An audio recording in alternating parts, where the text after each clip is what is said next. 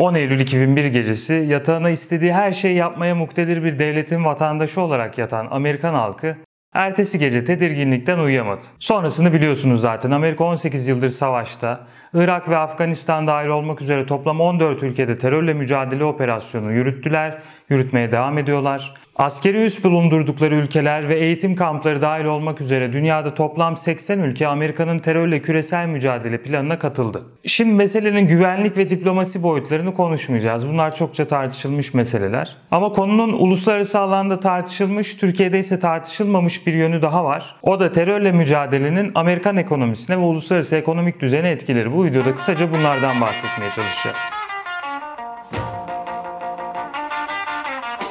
Peki neydi terörle mücadele planı? Bir göz atalım isterseniz. 11 Eylül 2001'de 19 El-Kaide militanı 4 tane uçak kaçırdı. Bu uçaklardan ikisi Dünya Ticaret Merkezi'ni vurdu. Diğer adıyla İkiz Kuleleri. Uçaklardan bir diğeri Pentagon'u vurdu. Sonuncu uçaksa Pensilvanya civarında düştü. Bu uçağın normaldeki hedefi ise Beyaz Saray'dı. Saldırılardan bir gün sonra konuşma yapan Başkan Bush, dünyayı terörle mücadele amacı etrafında toplayacaklarını söyledi. 20 Eylül'de ise şöyle bir açıklama yaptı. Terörle mücadelemiz El-Kaide ile başladı fakat onunla sona ermeyecek. Ve böylelikle uzun soluklu bir seferberliğin ilanı vermiş oldu. Rumsfeld'in kalıcı özgürlük operasyonunu ilanıyla birlikte terörle mücadele resmen başlamış oldu.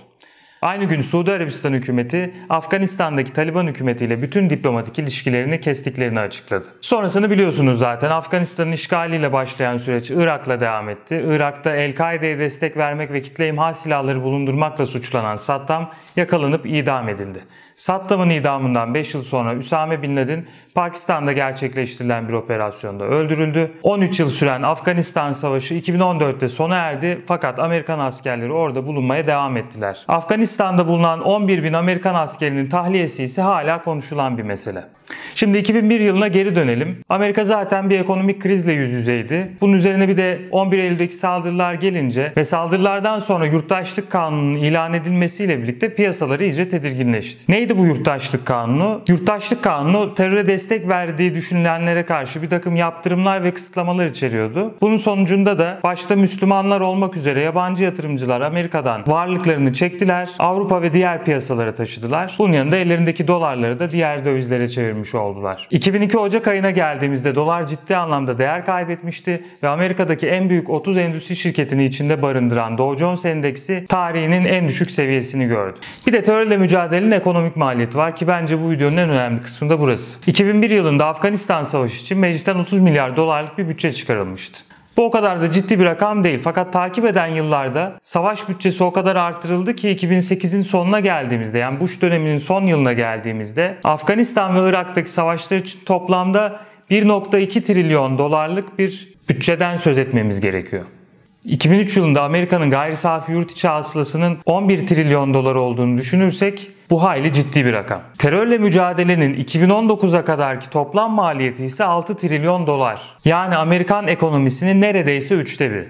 Peki ABD bu parayı nasıl topladı? İlk akla gelen çözüm tabii ki vergileri arttırmaktı ve sadece Irak Savaşı Amerikan vatandaşlarına 800 milyar dolarlık bir ek vergi anlamına geliyordu.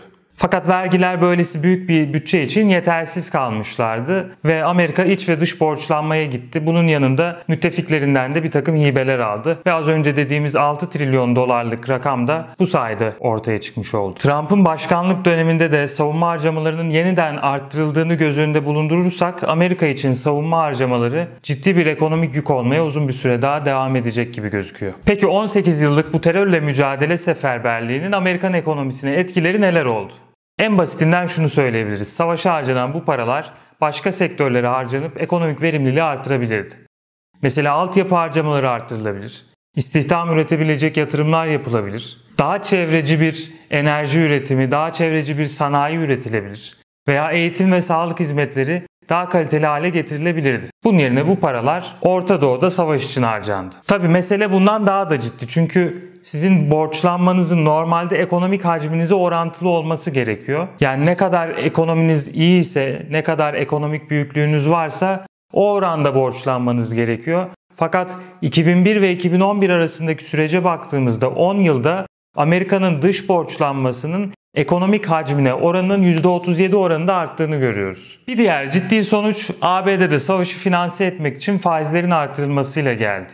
2003'ten sonra ABD ülkeye sıcak para girişi sağlamak için faizleri arttırdı. Fakat artan faizler başta mortgage kredisi ödeyenler olmak üzere birçok insanı kötü etkiledi. Mortgage üzerinden ev alanların ödemeleri gereken kredi faizi %1'lerden %6'lara çıktı. Bu da onların ödemeleri gereken borçların ciddi anlamda artması demek oluyor. Ve bu insanların borçlarını ödeyememesi zaten yaklaşan mortgage krizini iyice hızlandırdı ve derinleştirdi. Sonuç olarak yüksek borçlanma, artan askeri harcamalarla daralan ekonomik esneklik, yüksek faizler bir araya gelince 2008 krizi hem Amerika hem dünya için büyük buhrandan bu yana görülmüş en büyük ekonomik kriz oldu. 2008'de yaşanan küresel finansal kriz etkilerini bugün de sürdürüyor.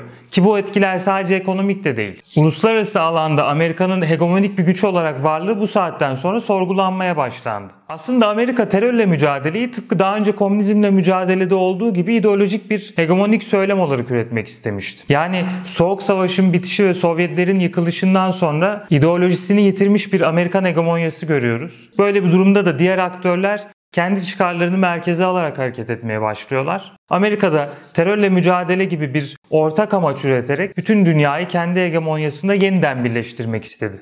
Sonuçsa beklenenin tam tersi oldu Amerika için. Çünkü Irak'ta ve Afganistan'da yaptıkları operasyonlar bütün dünyadan tepki topladı. 2008 krizinden sonra uluslararası ekonomik düzende Çin gibi bir aktörün meydan okumasıyla karşı karşıya kalan ABD ihtiyaç duyduğu ekonomik esneklikten yoksundu. Amerika bölgedeki ülkelere güvenlik sağlayarak ekonomik ve politik kazanımlar elde etmeye çalışıyordu. Bunu yapmak içinse bölgede bir takım güvenlik problemleri üretmek zorundaydı. Yani biz Orta Doğu'da bir terör örgütüyle mücadele etmek için başka terör örgütlerinin desteklendiğini görebiliyoruz. Veya Yemen'e ya da Körfez ülkeleri arasındaki çatışmalara baktığımızda ya da Suudi Arabistan ve İran gerilimine baktığımızda Amerika'nın bu gerilimlerden kendisine ciddi bir silah pazarı ürettiğini görüyoruz. Çin ise muhatap olduğu ülkelere ekonomik kazanç vaat ederek uzun vadede onları kendisine bağımlı hale getiriyor. Sonuç olarak bölgesinde hegemon olmayı başarabilmiş, küresel pazarda da kendisini önemli bir aktör olarak kabul ettirebilmiş bir Çin'le karşı karşıyayız. Bu yüzden Bush'un ne olursa olsun kazanacağız dediği terörle mücadelenin şimdilik kazananı Çin gibi gözüküyor. Aslında konuşacak çok mesele var fakat bunların hepsini tek bir videoya sığdırmak oldukça zor gözüküyor. O yüzden biz bu videoyu burada noktalayalım. Siz de konuya dair fikirlerinizi ve videoya dair eleştirilerinizi bizimle paylaşmayı unutmayın. Videoyu beğendiyseniz kanalımıza abone olmayı ve videoyu paylaşmayı unutmayın. Önümüzdeki videolarda görüşmek üzere. Hoşçakalın.